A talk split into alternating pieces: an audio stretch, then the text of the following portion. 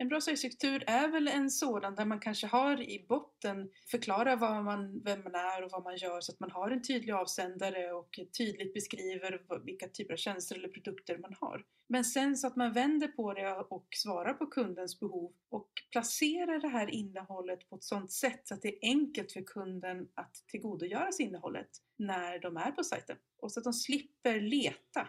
Det är väl det som är nyckelordet det här. Dina kunder ska inte behöva leta efter det de, innehållet de vill interagera med. Utan det ska finnas där och det ska vara enkelt och det ska gärna vara länkat till nästa steg som de, som de behöver gå till för att tillgodogöra sig mer av den här informationen.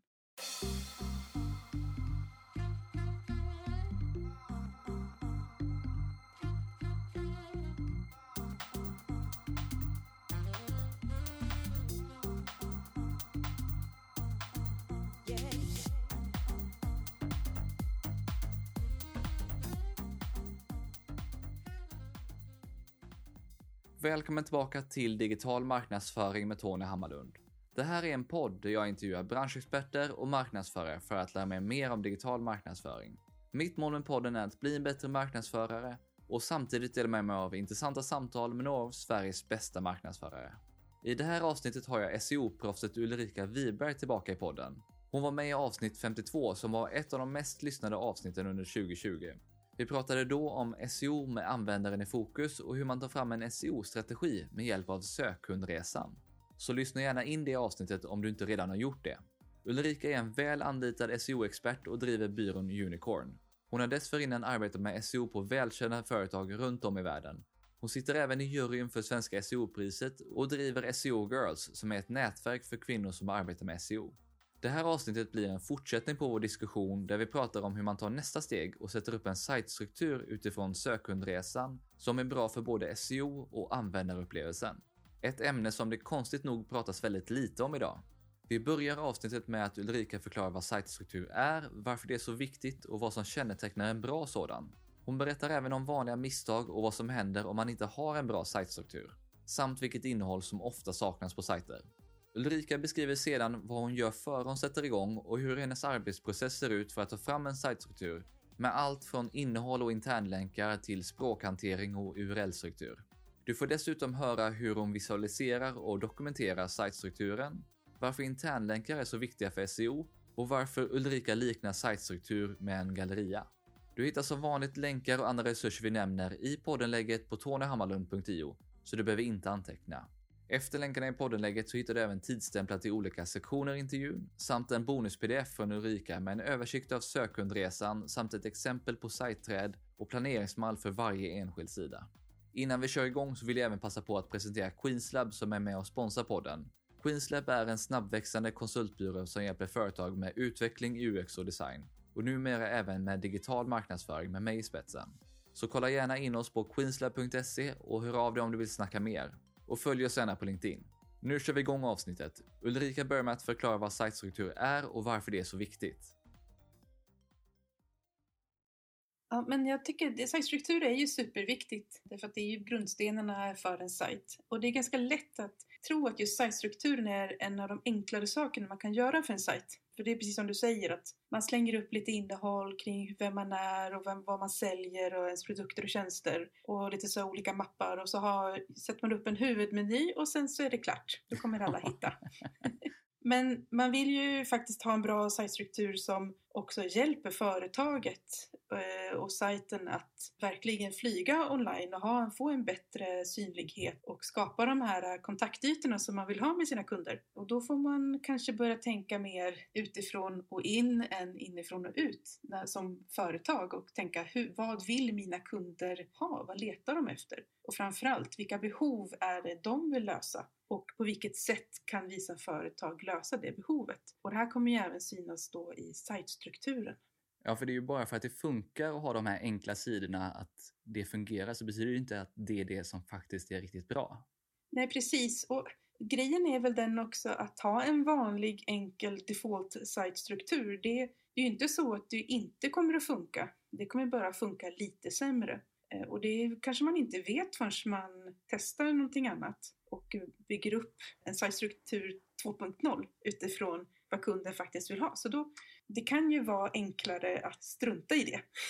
att strunta i att förstå det här och bara köra på. Man missar potential helt enkelt. Precis, och man kommer till slut kanske bli omsprungen av sina konkurrenter. Det är det som är risken. Som gör det här istället. Precis, för de gör det här. Och det tycker kunderna om och då kommer de gå dit istället. Men vad kännetecknar bra sajtstruktur då?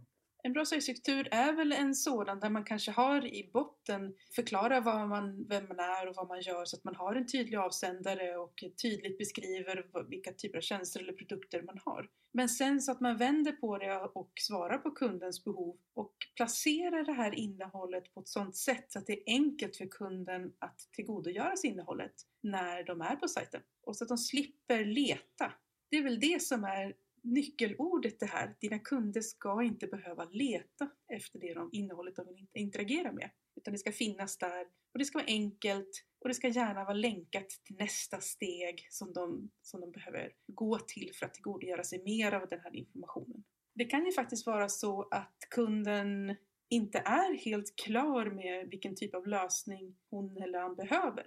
Och har kommit in på din sajt och tycker att det här verkar relevant men det är inte riktigt mitt i prick utan han behöver läsa på någon annan sida som är mer mitt i prick. Och då ska den ju inte behöva gå upp till huvudmenyn och grotta, grotta sig ner igen utan då ska det vara enkelt att hitta den typen av innehåll som är mitt i prick och precis det de letar efter. Ja, för det här är ju lika mycket UX som SEO egentligen. Och här möter ju UX, SEO och utveckling i allra största grad. Och vad händer om man inte har bra sajtstruktur? Det är inte så att man får ett eh, brev på lådan där Google säger att man har misslyckats. Men man kommer nog märka, alltså hur man märker det.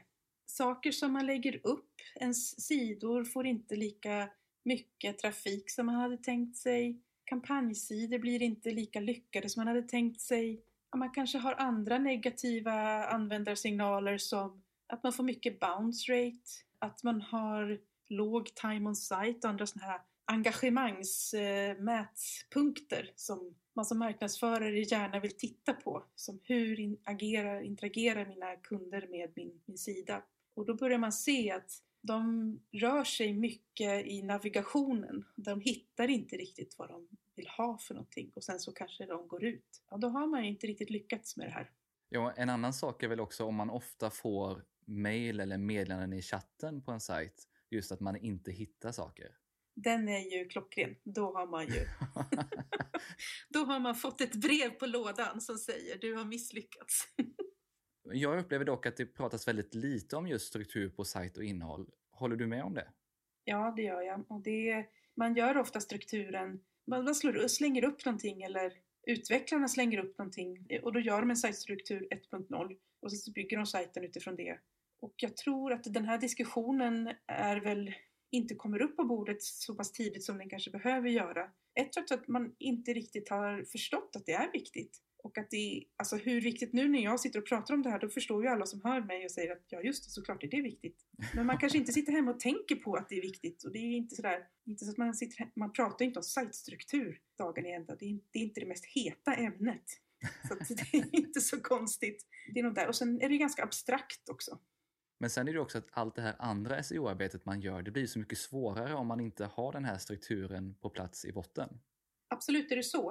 Eh, och en bra sajtstruktur hjälper verkligen SEO-arbetet enormt mycket. Och med det menar jag att innehållet får sin, och nu kommer det ord, sin semantiska diskurs eller semantiska hemvist. Och det betyder liksom att innehållet bor ihop med annat innehåll som handlar om samma sak eller har samma innehåll inom samma domän. Och det kan också betyda att det är lättare om man har en bra säljstruktur som har tagit kunden i fokus och är mer utifrån och in, att man lättare har, kan lägga upp innehåll som tillgodoser kundens frågeställningar kanske tidigt i kundresan som redan i interest och consideration-fasen. Där kunden mer vill interagera med eh, innehåll som beskriver problemlösningen och hur man kan lösa problemen som kunden har kring just den här, där produkten eller tjänsten är själva lösningen och, och så kan man beskriva på vilket sätt. Men kan du ge något exempel på vilken betydelse sajtstrukturen då kan ha för en webbsida? Ja, till exempel så kan det ju vara så att man har en ganska så särskilt om man är en business-to-business-kund så har man ju rätt tunga produkter eller tjänster som kanske inte är de mest lättillgängliga för kunden och kunden måste vara ganska så insatt redan innan de kan ta de här besluten över att jag behöver köpa det här eller det här är någonting som jag, jag behöver till min affär. Och då skalar man ju bort ett helt segment av kunder som ännu inte är i den beslutsfasen och då måste man, behöver man hjälpa dem att eh, komma till sajten. Och då kan faktiskt en sajtstruktur vara svaret på det. En sajtstruktur med innehåll som svarar upp till det som kunderna letar efter eller som de söker efter. Med lösningar på deras problem. Oftast kan det vara då, då i form av innehåll som är situationellt eller inspirerande helt enkelt. För man söker på sina problem och har man skrivit om de här potentiella problemen med potentiella lösningar där lösningen är produkten eller, eller tjänsten så har man mycket lättare att fånga in kunder redan tidigare i kundresan eller i beslutsprocessen. Och då blir den potten också större av kunder som kommer in. Och det betyder att man får in mer trafik på sajten som man kan övertyga och massera och få en branding awareness på och så vidare och så vidare så att du får en kontakt eller en relation med fler människor som du sen kan vårda den kontakt och relation med. Jag gjorde det här för ett företag som eh, säljer en ganska ja, som är väldigt business to business och de ökade sin trafik med 250% över ett år efter att vi bara hade ändrat på strukturen och lagt till lite mer innehåll. Och strukturen visade på också att det saknades innehåll och var vi la på det för att kunna basera kunden tidigare i kundresan. Det är imponerande exempel och det är väldigt tydligt exempel just att man har glömt innehåll i kundresan. Det är innehåll som saknas och man fokuserar ofta för mycket i business to business-fallet på att konvertera trafik. Och då blir det väldigt liten pott av besökare som man försöker konvertera.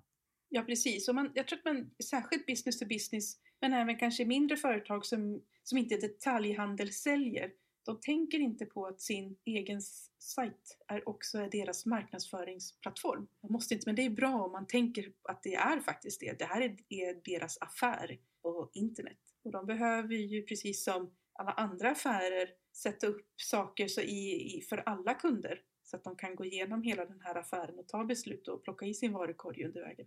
Vad finns det för andra vanliga misstag som du ser på hur sajter strukturerar upp sitt innehåll? Ja, till, exempel så brukar jag se eh, att man missar att internlänka fullt ut. Och internlänkar betyder att man länkar mellan sidor men också mellan sektioner. Och internlänkar är också call to action-knappar och sånt här så att man, att man tänker på att hela tiden driva kunden framåt. Och på den här internlänken så kan man ju också skriva Gör det här på nästa steg. Eller vill du veta mer? Här finns det mer information. Företagen brukar oftast känna att de tjatar på sina kunder när de lägger ut de här call to actions. Men det är inte så, för det är, oftast så är det användaren eller kunden har, ser ju det här en, max två gånger, så det blir inte tjat. Men det är väldigt viktigt att driva framåt hela tiden, att, att hjälpa användaren att använda sajten och tala om nu har du gjort det här, nästa steg blir det här. Och att då på det viset hjälpa kunden att, att gå vidare i sin beslutsprocess. Det ses som ett det, det, glömmer ofta företag. Men många är väldigt duktiga på det och det, det tror jag också att de, de märker av i sina Analytics-rapporter varje månad. jo, men det är ju någonting som påverkar både SEO för internlänkningen, men det påverkar också konverteringen, det påverkar UXen, liksom hur man driver besökare genom sajten och genom kanske sin funnel som man har på sajten också. Då. Absolut. En annan sak som jag ser att många företag kanske missar det är att de tänker inifrån och ut. Det vill säga att de tänker på sin egen affär och hur de, vilka de är och det, att det räcker med att de presenterar det. Men som vi sa i förra avsnittet, kunden bryr sig faktiskt inte vem du är. De bryr sig om sig själva och sina egna problem och de vill ha dem lösta. Så de, det de bryr sig om är hur du löser deras problem, att det ska gå snabbt och smidigt och, och det ska vara painless och det ska också vara den bästa lösningen på marknaden. Då måste du också tala om det för dem på ett bra sätt och på det viset ha den typen av kommunikation istället för att bara visa upp dina produkter. Finns det några fler vanliga misstag du ser? Ja, jag tycker också att man ofta har för mycket innehåll på varje sida där innehållet kanske presenterar precis allt som finns kring den här produkten eller tjänsten istället för att bryta upp det på fler sidor där varje del kanske kunde ha presenterat en del av informationen som jag som kund behöver. För vad det också gör är att det blir spretigt för både kunden och sökrobotarna att klassificera det här innehållet och liksom sätta en stämpel på det. Vi tycker ju om att sätta stämplar och boxa in och sortera saker. Eh, men det är en mänsklig faktor och vår hjärna funkar så. Det är lättare för oss att processa mycket information på det viset. På samma sätt så blir det lättare för sökrobotarna eller sökmotorerna att klassificera innehåll om de får stoppa in det i boxar och sätta lite, stämpla lite på dem och, och sätta en label på saker och ting. Man behöver helt enkelt dela upp om det är för mycket och det spretar för mycket så behöver man dela upp det på flera sidor. Och då kanske man kan skapa ett kluster av de sidorna istället. Det ser jag en som en sak som företag behöver bli bättre på. Skapa kluster av större mängder av innehåll. Jo, men som kund så är det ju också att man inte får all information samtidigt utan man får den information man behöver i det steget man är. Exakt, precis så. Inte allt på en samma gång. Nej. Men det här är om man har för mycket innehåll, men vilket innehåll ser du ofta saknas? Det som ofta saknas är ju de här problemlösningsrelaterade innehållet där man som företag har tänkt till. Hur, hur kan vårat, eh, våran produkt eller tjänst hjälpa våra kunder? På vilka sätt? Och sen så får man, då får man ju brainstorma lite. Eller så går man till eh, kundtjänst och frågar vilka problem brukar vår produkt eller tjänst lösa för våra kunder? För de har koll. Och sen så skapar man innehåll utifrån det och gärna klustra upp det då i olika situationer där man kan tänka sig att kunden behöver tillgodogöra sig det här innehållet. Och så sätter man på en, skriver man det här innehållet i en tonalitet som passar kunden i just det tillfället. Och då lägger man det också i strukturen på så sätt att det inte ligger på köpsidan. Utan man kanske separerar köpsidan och den här innehållssidan. Men att man länkar däremellan att om kunden läser det här innehållet och tar beslutet där och då att det känns, ja men nu känns det rätt i magen, nu vill jag köpa direkt. Då skulle ju den möjligheten finnas. Men man kanske inte behöver lägga övertalningsstrategierna på köpsidan. För där är det ju bara, här är det köpknappen och det är bara det du ska göra här. Så att man separerar de två. När jag säger det här så förstår ju alla det. Men tro mig, det är inte helt självklart när man sitter där med sin webbsida och ska strukturera upp saker och ting. Nej men precis, och man har den här diskussionen om man ska ha det här extra klicket för att faktiskt gå och köpa. Exakt. Visst, man ska undvika allt för många klick. Man ska inte behöva klicka ihjäl sig. Men om ett klick är befogat, att det är helt relevant att klicka och det känns naturligt att klicka. Det känns så naturligt att klicka att jag kanske inte ens tänker på att jag gör det. Utan det har gått vidare ett steg. Då, då spelar det där klicket ingen roll. Sen blir det också en mikrokonvertering dessutom. Men det här var då misstag. Så I avsnitt 52 så pratar vi om SEO med användaren i fokus, och om sökkundresan och att få fram en SEO-strategi. Så om vi tar det här ända från början, vad är det du gör för du påbörjar arbetet med att strukturera upp en sajt? Jag börjar ju arbetet ja, då när jag gör min workshop med kunder som jag brukar tvinga alla mina kunder att göra. och, och, det är ju inte en, det är ju inte en flummig feelgood eh, workshop utan det är ett ganska intensivt arbetsmöte där vi helt enkelt bara drar ut precis hela affären på några timmar. Då ser jag också vilka områden som det här företaget verkar i och vilka andra kanaler de gör och aktiviteter och någonstans där, om, man då, om jag redan vet från början att vi ska också bygga en webb, då börjar jag formulera en webbstruktur i huvudet på mig själv som jag sen också behöver rita upp för kunden och förklara för dem att på det här sättet så kommer det era kunder in. Eller vi tänker oss att era kunder ska komma in på det här sättet och, och ni behöver svara upp med det här, den här typen av innehåll för det är det, det de letar efter. Sen kommer ju sökordsanalysen någonstans där i potten och det kommer ju då också bestämma vilket typ av innehåll ska finnas och, och vad ska det heta.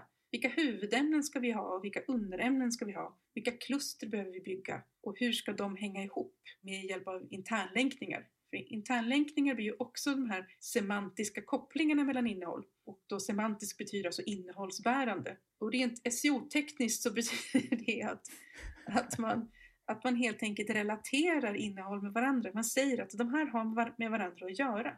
De ligger lite grann på samma plats. De ligger väldigt nära, deras boxar ligger väldigt nära varandra.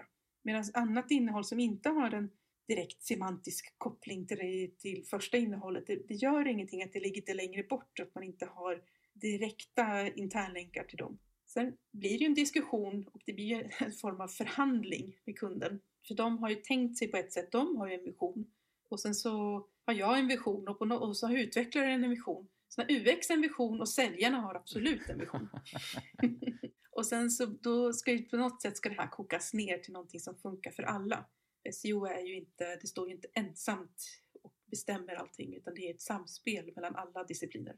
Jag brukar, ibland så slänger jag också in en process om man, om man behöver det. det är inte, jag vill inte för, försvåra arbetet och man ska inte göra det mer komplext än man behöver. Men om det behövs så kan jag sätta upp en, en processstruktur för hur, vilken typ av eh, aktivitet vi, vi gör och var vi tänker oss att vi ska prata med kunderna, alltså touchpoints. Först tänker jag att den här kunden ska träffa den här landningssidan och sen ska den gå vidare till de här stegen och sen till slut så ska det hända det här. Och då kanske första steget är en Facebook-annons som leder till en landningssida. Och på den landningssidan så behöver det då stå viss typ av innehåll som svarar upp till Facebook-annonsen och förväntningen från kunden. Men också hur, berätta, hur ska jag gå vidare? Vad behöver, jag, vad behöver kunden göra sen? I form av call to action. Ja, men det är jättekul att höra att du har med alla de här olika perspektiven från både sälj och marknad, du som SEO och bolaget som helhet och kanske också kundtjänsten då. Men är alla de med i den här workshopen kör? Ibland så är de faktiskt det, men oftast inte. För att oftast tycker företaget att, för det blir ganska många människor och, och varje persons tid kostar och sådär. Men det är faktiskt mycket bättre om så många som möjligt är med. Jag har haft workshops med upp till 20 personer och det, det tog tid men det var väldigt roligt och väldigt givande. Så, och det, det är bra med många olika perspektiv samtidigt. För man, man är ju oftast sig själv närmast och eh, man hamnar ju ofta i situationer där man, där man slåss om sin egen, sitt eget synsätt. Och då kan det vara bra att ha andra personer där, där man förstår att vi gör det här tillsammans. Det är inte min, min avdelning. Min avdelning lever inte ett silo på det här företaget utan tillsammans så ska vi göra den här ja, nya sajten eller det här ny, omtaget eller vad det nu är. Ja, men det är väl också det här med att man kan inte göra allting 100% för SEO utan det måste vara en kompromiss mellan de här olika avdelningarna. Precis, och det är ju någonting jag måste intala mig nästan varje dag på mitt jobb. men det är helt sant att så är det och att, att SEO inte bara är organisk trafik utan att det också handlar om att eh, tillgodose eh, kundens behov och användarnas behov. Och då måste man oftast ha med alla avdelningar. Och, och, och, plus att, som vi sa, SEO är ju hela internet. Och det är ju oftast hela affären. Sen är det ju en annan viktig sak också. Man har ju ofta en existerande sajt, det man håller på att försöka göra om. Och den måste man ju också ta hänsyn till och hur den ser ut. Och när det gäller sajtstruktur så ska man ju in, helst inte bygga om alltihopa i ett sjok. Man ska inte byta hela strukturen på en gång om man har en gammal sajt som redan har indexerats och har liksom historik bakom sig. Då måste Google återigen lägga dig i ett nytt fack för de fattar inte vad du har gjort. Exakt, och det tar, det tar tid för Google att och placera om dig i nya fack och eh, omtolka hela sajten. Och då, då kan det gå en, ett tag med tappad trafik. Och då har ju inte företaget sådär jättestort förtroende för dig som är SEO-are längre. Så, så då är det bättre att du rekommenderar att man tar vissa delar och så, så gör man det i, i mindre sjok med kanske ett kvartal eller ett halvår emellan. Men man, så att man tar, flyttar liksom delar av sajten till nya strukturen i taget, så man inte byter ut allting. Men om du då har gjort den här kundworkshopen och ni har tagit in alla de här olika perspektiven på vad som behöver tas i beaktning för den nya strukturen. Var börjar du och hur ser din process ut för att lägga upp den här sajtstrukturen? Generellt sett så kan man ju säga att jag, jag brukar bygga, börja med att bygga upp en, en struktur eller en karta där jag, jag, jag tittar på vilka ämnen hör ihop och, och vilka klustersidor kan jag tänka mig behövs och hur ska jag internlänka med dem. Det blir lite grann som om att jag, om jag jämför med en metafor som jag, jag brukar oftast tycka om. Jag tänker visuellt. Jag tänker mig en en galleria som att jag bygger gator i den här gallerian och på varje gata så ligger det affärer som har med varandra att göra. Så att man, när man går och handlar, till exempel att jag ska köpa en ny vårgarderob, så behöver inte jag springa en mil emellan affärerna utan de ligger lite grann på samma ställe. Jag ska också gå och köpa en ny kontakt och det gör jag på. Men eftersom det inte har med min vårgarderob att göra så är jag helt okej okay med att jag får gå lite längre. Och på det sättet så bygger jag upp de här innehållsgatorna som jag ser då mer visuellt att de hänger ihop med varandra och jag kan också bygga ut eller skala upp dem om jag behöver det. Ungefär på det här viset så förklarar jag också för kunden, för min kund, alltså företaget, hur deras struktur bör fungera. Och sen lägger vi ner det på ett papper eller på bordet där vi sätter ut deras produkter och tjänster och eh, lösningar och situationer där kunder då ska komma i kontakt med de här produkterna och tjänsterna och lösningar på sina problem. Vartefter man också bygger ut hur, vilken tonalitet ska de, de, de olika innehållsdelarna ha. Så taggar vi upp det med sökord, del i kundresa och sökintention, kanske skriver briefer därifrån till innehållsskribenter. Och på så vis så bygger vi upp en struktur och innehållsstruktur. För idag så är det ju så att en webbstruktur är ju inte som det var en gång 1998 när vi började bygga webbar, när man la mappar under varandra i en sån här FTP-folder. Utan idag så är det ju en eh, databas och då i databasen finns det innehåll som är taggat på olika sätt och beroende på de här taggarna så, så aggregeras det på ett sätt som inte ens jag förstår. URLerna ser ju inte ut som någonting då, utan det är ju bara skrummel. Så någonstans där behöver man ju också sätta på en, en friendly URL, att det, att det faktiskt säger någonting för användarna, men också för sökrobotarna. Så att den här innehållsstrukturen, sajtstrukturen och så på med URLer som man förstår. Då har man kommit ganska långt.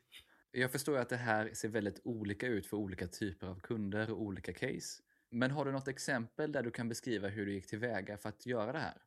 Ja, en, en kund som jag har eller jobbade med, vi är ju klara nu, men vi hade ju den här workshopen och det blev väldigt tydligt med vad de gör och vilka lösningar de har och vad de säljer. Och sen gjorde jag en sökordsanalys och där såg jag att de hade ganska många sökningar som de inte svarade på som ändå hade med deras område att göra. Och då föreslog jag att vi, vi, vi bygger helt enkelt sektioner som svarar upp på de här äh, frågorna som inte blir besvarade. Och det var mycket frågor kring priser eller hur gör man? Det var mycket how-to-frågor eller lösningsfrågor. Och då hade vi en liten enskild sittning där, vi, där jag la fram de här Eh, sökordsanalysen och sa hur, på vilket sätt kan vi svara upp på det här innehållet? Och det här är ju informationssökningar, kanske mer än köpsökningar. Då hittade vi lösningar på hur vi skulle kunna skapa det här innehållet och utifrån att vi har hittat lösningar på innehållet som vi ska skapa så strukturerar vi också upp det i den befintliga strukturen. Så vi lägger till, vi skalade upp faktiskt där och la till sektioner som kunde svara på specifika frågor som kunden har, som deras användare har. De har ju informationen så hade deras kunder ringt till dem och frågat kan ni även lösa det här? Så hade de sagt ja, ja absolut och det gör vi på det här viset. Det går jättebra. Men det är ju så att alla ringer ju inte, utan de vill ju läsa informationen på webben. Då, att då kunna ha, ge den informationen direkt tror jag, det hjälpte dem väldigt mycket liksom, i, i själva konverteringsfasen. Att få kunden från att inte vara en konverterande kund, kanske bara till att vara en nyfiken kund, till att gå vidare till att till slut konvertera efter masserande och kundrelationsbyggande. Jag helt enkelt få sajten att fånga upp de tidigare delarna i kundresan. Ja, exakt. Både de tidigare delarna men också områden i den tidigare delen av resan som man kanske inte tänkte på eller som man inte var medveten om att det fanns. Och det såg ju vi, såg jag då i sökordsanalysen, eller sökbeteendeanalysen, att det här är frågor som era kunder vill ha svar på. Och för dem blir det då att de utökar sin business, att de utökar sin, sin kundrelation egentligen och utökar platser där de kan prata med sina kunder. Ja, men det är jättekul att höra den här typen av exempel på där du faktiskt går från att göra den här kundworkshopen till att faktiskt ha någonting som man implementerar. Vi har pratat om internlänkar och du har pratat om URL-struktur och så vidare. Så vilka olika områden tittar du på när du gör den här sajtstrukturen? Jag tittar ju på att, eh, allt, att allt finns med som man vill ha i form av innehåll.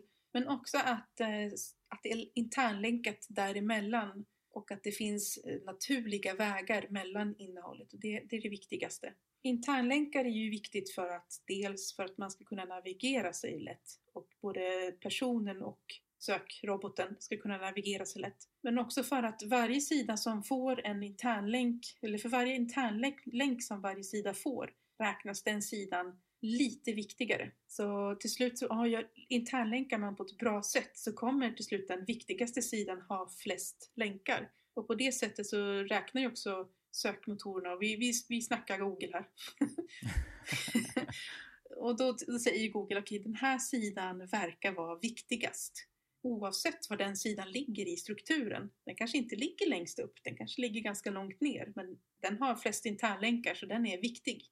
Jag tittar också på hur användaren kan röra sig på sajten och det är alltså hur, vilka gator finns det? Finns det en rulltrappa mellan olika typer av gator och, och är det enkelt att röra sig emellan? För det, det måste vara enkelt.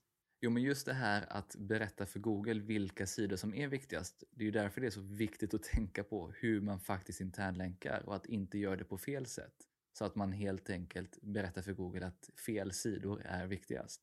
Ja, precis. Som till exempel eh, privacy policy-sidan eller, eller någonting annat som är helt oviktigt. Man vill ju också skapa den här relevansen och den här, de här semantiska kopplingarna mellan sidor och tala om att de tillhör samma kluster. Det är ju en av de, också de viktiga grejerna varför man, just gör de här struktur, strukturella internlänkningarna. Man lägger upp det och planerar upp det på ett bra sätt. Vad har du sen för generella rekommendationer kring vilken URL-struktur man bör ha och hur man sätter den för sin sajt?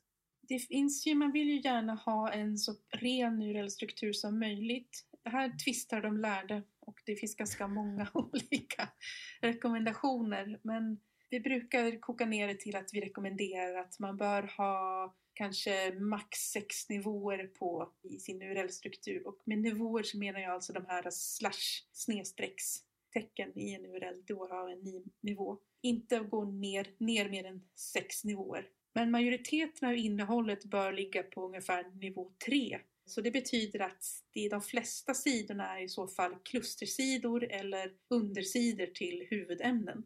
Man ska helst inte ha för, antingen för grund eller för djup struktur. För en, för grund struktur kan det ha svårt att skapa de här just semantiska kopplingarna mellan saker och ting. Att, att man inte riktigt vet vad saker och ting tillhör. Å andra sidan har jag sett företag som har väldigt grund struktur och det där det, det funkar. Men de istället bygger på längre URLer, URLer med flera ord. Där andra säger att ja, man ska helst inte ha mer än tre ord på varje URL. Ja, så att ni hör. Men det, så länge det är relevant och det inte är för långa URLer och att det inte är för lång, mycket klick och för många nivåer ner hamnar man ju någonstans på nivå 3 ungefär. Sen ska helst URLerna kunna vara läsbara för både människa och sökrobot och det kallas då för friendly URLs så att man ser vad, liksom, vad URLen innehåller både för människa och robot. Men vad skulle du säga är absolut viktigast i det här arbetet? När vi snackar sajtstruktur och menyer och internlänkningar och allt det här så är det ju länkar vi pratar om. Det är, ju inte så att vi pratar om att vi bygger någonting egentligen. Utan vi pratar om att vi, vi skapar ett gäng länkar och sen så ger vi dem namn. Det är det vi gör här nu. Om man ska ta bort allting annat. De länkarna de måste synas i koden också. De måste kunna följas av, av sökroboten en sökrobot kan inte klicka på saker och ting som inte är en länk och kan inte scrolla eller ladda saker som behövs att man klickar eller scrollar på den. Länken måste synas i koden och det är det absolut viktigaste. För man kan ha byggt ett slott av struktur och syns inte det i koden så är, ja, då är, det ett blankt papper. Om det är alldeles för mycket JavaScript som Google ska försöka crawla igenom. Ja, exakt. Du sa det precis så. Det var det jag menade. Jag hade en lång förklaring om varför, men det var precis det jag menade. Men det är också viktigt att man inte har samma benämningar på flera olika sektioner på den här eh, i strukturen. Alltså om vi går tillbaka till min galleria så kan inte flera gator heta samma sak utan de ska heta olika saker. För annars så blir alla förvirrade och man vet inte riktigt var man ska gå eller var man är någonstans. Man behöver ha klart för sig vad som är vad och vad som ska ligga var och var innehållet ska vara någonstans. Och sen det sista då, det absolut viktigaste, det är att försöka sätta sig i användarens sits. Sluta tänka jag som företag ska presentera mig och börja tänka vad vill användaren ha av mig? Vilka frågor har de och hur ska jag svara på dem? Ja, men det är ju någonting som är extremt viktigt oavsett om vi pratar SEO, UX, om vi pratar konverteringsoptimering, vad än vi gör på sajten, så måste man ju faktiskt ändra det perspektivet och titta på hur ska min besökare faktiskt agera här? Ja, och det är väl kanske den svåraste nöten ändå att knäcka för att du och jag är ju också oss själva närmast. Precis så är företaget också det. För att företaget kanske inte är superintresserade av vad kunden vill ha, de är mer intresserade av att sälja.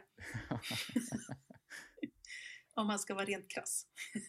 Men om man har allt det här på plats, man har gjort den här workshopen, man har gått igenom och strukturerat upp allting, skapat sina kluster, man har en URL-struktur som man har tänkt sig, man har satt upp hur man ska internlänka.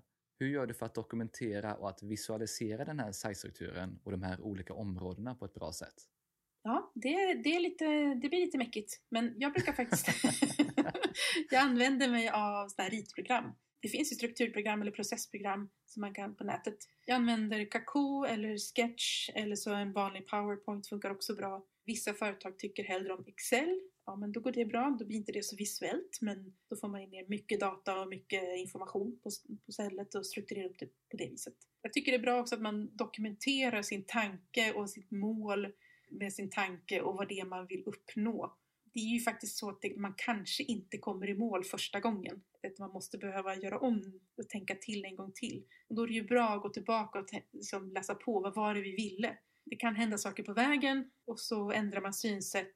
Och ja, då är det klart att då funkar ju, då blir, då blir det ju annat. Så att, att man dokumenterar och gör liksom nästan ett business case av varför man tänkte och hur och hur man hade liksom tänkt att det skulle struktureras upp så kan man gå tillbaka och tänka, göra om det på ett bättre sätt när man har lite data eller har lite erfarenheter lite learnings. Men vad finns med i den här dokumentationen? Ja, det är mål och syfte, vad man tänker. Jag brukar också ha kundresa med där. Och sen så sätter jag upp dels för sektioner på sajten, vad den här sektionen ska handla om och vilken typ av kund det är och vilken del i kundresan den här kunden förmodligen är i. Och det bestämmer ju tonalitet. Och sen under, i, det klus, den sektionsdelen så lägger vi också upp vilken typ av innehåll vi tänker oss ska finnas. Men det innehållet kanske inte är färdigt på en gång. Det behöver byggas upp vart eftersom. Och det är ju helt okej. Jag sätter också upp hur vi ska mäta det och hur vi ska gå vidare. Och sen, jag har jobbat med utvecklare ganska mycket så jag tycker ju om det här med att man sätter upp när ska vi mäta igen och att man itererar och att man gör versionshantering och så vidare, så vidare så att man hela tiden ser hur utvecklingen går till. Jag har ju suttit och skapat väldigt mycket innehåll till sajter så jag är också intresserad av vad är det för information du har med i för respektive sida i den här sajtstrukturen?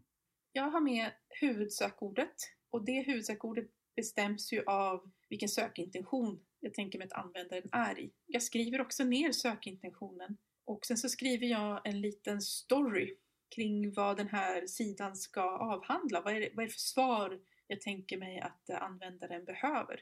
Och det brukar räcka faktiskt. Sen kan man ha alltså att man har tonalitet med, men det har man ju för alla sidor. Det är ju mer för, det är som ett paraply.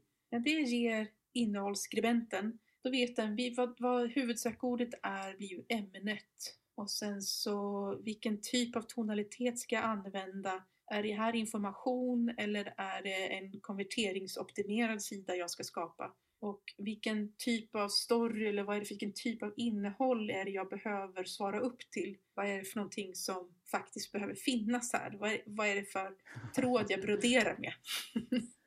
hade det hjälpt dig? Jo, men det hade du. Sen har, brukar jag försöka ha med någonting annat också. Det är ju målgruppen för den här sidan på många sajter och för många företag så har man ju flera målgrupper. Då kan det vara bra att både veta vilket sökord och vilken intention vi har, men också för vem det här är. Men jag gillar den här storyn för det blir ju som en mini-brief på något sätt. Absolut. Jo, målgruppen är också alltid bra. Men, speciellt om man har flera olika typer av målgrupper. Och särskilt om målgrupperna skiljer sig från sektion till sektion så, så, så det är jättebra att ha med. Den här översikten är ju superbra att få för att någonting som man ofta pratar om inom SEO och struktur är just det här med innehåll som kannibaliserar eller konkurrerar med sig självt. Så vad gör du för att säkerställa att det inte finns sidor som just kannibaliserar på varandra? Ehm, ja, det är, precis som du säger, det är ju, det är ju dels ett problem och, och, det är ju inte alls bra när det händer. För, för vad som händer då är ju att Google eh, inte riktigt vet, de, har, de vet inte riktigt vilken box de ska sätta det här innehållet i eller om det är två eller flera sidor som ska in i samma box. Och då, vad som händer är att inget innehåll rankar bra utan allt rankar sämre. Jag lägger upp det här som jag berättade med med briefen så tar jag de här sökorden också och lägger på på alla eh, sidor. Och där någonstans så ser man ju, har jag samma sökord flera gånger? Och, och då blir, brukar det vara en liten alert att nu, nu blir det dubbelt innehåll här. Men även om man har gjort det och det inte blir på samma ställe så kan det ändå bli så att man skriver ganska lika på flera sidor. Och då kan man ju efteråt mäta det här i verktyg där de tittar på hur hög andel av innehållet är liknande på flera sidor. Och då får man helt enkelt gå in och skriva om vissa delar av innehåll. Verktyg som jag använder för att hitta det här då, det är framförallt det Google Search Console eh, som är gratis och som alla kan signa upp på som äger en sajt. Hur man ser det då är att man tittar på ett sökord, är det flera URLer som rankar eller får trafik ifrån det här sökordet? Då kan man börja misstänka att Google inte riktigt vet vilken av de här URLerna ska ranka för den här sökningen. Men är det så att en av eh, URLerna har en genomsnittlig position på 3 och den andra har på 35, ja men då är det kanske inte ett problem. Ja, men det är ju superbra sätt just hur man enkelt upptäcker det och dessutom ett verktyg som vi alla kan använda gratis. Exakt. Och sen så finns ju den här funktionaliteten i betalverktyg också. En annan vanlig huvudvärk när man sätter upp sajter det är just det här med språkhantering. Så hur rekommenderar du kring struktur för sajter med flera språk? Vad har du för generella tips där? Det här är en av de vanligaste frågorna jag får. hur hanterar vi flera språk? eh, Okej, okay, och då säger jag det sämsta du kan göra det är att sätta språket som en subdomän och sen så punkt huvuddomänen punkt .com om det skulle vara till exempel en svensk eh, version då, så skulle det vara se eller sv.domän.com. Gör inte det. Men de olika varianter du kan välja mellan är ju då att ha .com sv eller ha .se. Alla domäner har sin eh, top level domain, alltså sin landsdomän. Och då finns det ganska tekniska för och nackdelar för de två som vi kanske inte går in på. Men man, så länge man länkar emellan de här språkversionerna med en eh, hreflang och ser till att man gör det på rätt sätt och att det är genomgående. spelar inte så stor roll egentligen vilken av de två man väljer. Men det finns för och nackdelar med båda. Om man behöver, vill liksom gå in på det så kan vi, vi kan ta, ta det vid sidan om. diskussion om språk. Precis. Nej, men det är kul att höra att också du har det här som en vanlig huvudvärk just vilken av de här alternativen man ska välja. Och att det finns ju som sagt det finns väldigt mycket tekniskt som ligger under vad det är man faktiskt väljer. Precis, och det, jag tror att det, enk, det, det bästa för företaget det är det som är enklast för dem att göra. Så länge det inte är en subdomän. Men om vi tar den korta versionen, hur väljer man mellan att använda separata toppdomäner eller en toppdomän med språkkataloger? Det, det är ju egentligen det enklaste som, som är för företaget, men man kan ju säga att eh, ha separata toppdomäner egentligen är bättre, för att det kommer gå snabbare, det handlar om hastighet. Det kommer gå snabbare att eh, ladda innehåll lokalt. Och då om man har en lokal server i det lokala landet som då pekar mot den, den lokala toppdomänen, då är det egentligen bättre. Men om man inte har det så, så spelar det inte så stor roll och sen så har man då en toppdomän och sen så kommer det gå lite segare för de som bor långt bort. Idag så man, man kan använda andra vägar att gå också. Man kan använda andra lokala servrar och så vidare. Det är lite grann hur man tycker själv att man vill lösa det. Och det kan ju också vara så att en, en toppdomän.com med en underkatalog i det lokala språket, då kan man använda samma CMS för alla språken. Så det blir inte separata sajter. Ja, du hör ju. Så det beror helt på. Vi får ta ett fortsatt snack om det här med språk, för det är, så att det är ett jätteområde just hur man ska lägga upp det här. Och jag tycker som sagt att det här har varit otroligt kul att prata om det här med sajtstruktur. För det här är någonting som jag själv sitter i väldigt ofta när vi håller på med webbprojekt. Men vad finns det för resurser som du rekommenderar om man vill lära sig mer om det här? Jag, eh, jag, själv, jag måste bara först säga att jag tycker själv att det här är otroligt roligt och jag kan ju nörda ner mig enorma mängder. Så jag hoppas att jag har lyckats eh, förklara ändå på ett begripligt sätt så att alla kan tillgodogöra sig också mina tankar. Ehm. Men jag har skrivit om den här sökkundresan på min egen blogg på unicorn.se. Annars så tycker jag man kan läsa både på Yoast så finns det mer om eh, olika typer av strukturer och vad som är viktigt att tänka på. Jag tycker också man kan slå ett öga på Search Engine Journal och eh, och de här verktygen som jag använder då är det framförallt Write men också SEMrush skriver mycket om just sajtstrukturer. Man kan titta också på HubSpot för där de beskriver väldigt bra det här med pillar pages och det som jag kallar för klustersidor. Om man tycker att det var lite oklart så, så förklarar de det på ett väldigt pedagogiskt sätt. ja, men det är jättemånga bra resurser just för att lära sig mer om det här. Finns det någonting som du tycker att jag har missat och som du tycker är viktigt när vi pratar just sajtstruktur? Det vill jag passa på att lägga till att, eh, för det här får jag också nästan varje, vid varje uppdrag. Så jag säger det då. Tänk på att det inte räcker med att länka från en sitemap. Att den enda länken till en sida inte räcker för att den sidan ska ranka. Google kommer ju hitta den på ett sätt eller annat. Men den kommer bara ha en intern länk och det kommer inte räcka för att säga att den här sidan är viktig. Så har du en sida som inte direkt har några internlänkar, då kommer den heller inte ranka. Det behövs mer kontext och det behövs mer länkar till var, vart innehåll. Så att jag säger att minimum tre internlänkar det är det absolut minsta en sida ska ha. Den förtjänar mer kärlek. en annan grej som jag tycker vi ska ta upp här då, det är att länka inte till andra externa sajter ifrån din footer. Även om du äger de här externa sajterna. För då blir det en så kallad site-wide link och de är direkt skadliga. Så gör inte det. Och sen till sist, slarva inte med breadcrumbs. Jag vet att det är, ser lite trött, tråkigt ut, för det tycker UX-arna, det får jag höra ofta. Men de är otroligt viktiga element i din struktur och det är, var och en av dem är ju internlänkar tillbaka och så vidare till i strukturen. Och dina, det hjälper också dina användare att browsa runt och de vill göra det. De vill hitta andra sidor inom samma område. Bredda sitt kunskapsämne kring det här. Så breadcrumbs hjälper till med det väldigt mycket. Plus att den talar om för användaren var i strukturen de är. Så det hjälper också att eh, användarna att få ett större förtroende för dig som avsändare. Att de vet exakt var någonstans de är och att de kan lita på innehållet. Ett bra sätt att lägga in de här internlänkarna på ett, bra, på ett, ett snyggt och relevant sätt, det är de här andra gillade också i ditt innehåll. vi sa ju det, struktur det är inte menyer, det är inte gator, det är inte grejer utan det är länkar. Det är i grund och botten länkar. Och den här widgeten andra gillar också. Det är också länkar. Så det är en typ av, en typ av meny.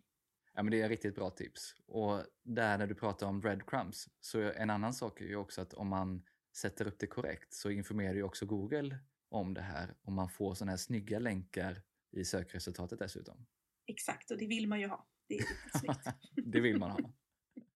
Stort tack för idag Ulrika. Det har varit jätteintressant att prata SEO med dig igen. Tack själv. Jag tycker det är alltid lika roligt att prata om SEO och så är det trevligt att få prata med dig också igen. Sajtstruktur är som jag och Ulrika var inne på ett lite bortglömt område inom SEO, men väldigt viktigt. Så jag hoppas att det gav dig en hel del bra insikter och att det kommer pratas mer om struktur för sajt och innehåll framöver. Det här är de tre främsta sakerna som jag tog med mig från avsnittet. 1. Att sajtstrukturen är en grundförutsättning för att lyckas riktigt bra med SEO. För utan en bra sådan så missar man mycket potential och gör SEO-arbetet mycket svårare. Och det är dessutom väldigt lätt att missa viktigt innehåll utan den. 2. Hur viktigt det är att skapa rätt semantiska kopplingar genom att länka samman innehåll som hör ihop. Det är en viktig del av sajtstrukturen och det gör det enklare för sökmotorer att kategorisera innehållet. Och 3. Att internlänkar är extremt viktiga inte bara för SEO utan också för användarupplevelsen och att driva besökaren framåt. Och det räcker inte att bara länka i sitemappen utan varje sida bör ha minst tre internlänkar. För antalet internlänkar en sida har berättar för sökmotorer hur viktig den är. Det här var mina insikter, men jag vill som vanligt gärna höra vad du tog med dig från avsnittet och vad du tyckte om det.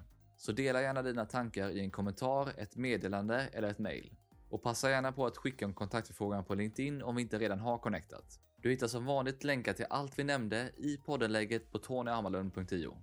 Glöm inte heller av att kolla in Ulrikas grymma bonus-pdf som du hittar i poddenläget. I den får du en översikt över sökkundresan, exempel på hur ett sajtträd kan se ut och en planeringsmall för varje enskild sida. Och har du några fler frågor till Ulrika så kan du ställa dem i kommentarerna direkt in i poddenläget. Gillar du det här avsnittet och podden så vill jag som vanligt påminna om att prenumerera och tipsa gärna andra om podden. Avslutningsvis vill jag passa på att tacka Mikael på Newbreeze Music som hjälper till med att producera den här podden och stå för musiken. Vi hörs snart igen med fler intressanta gäster, ämnen och case.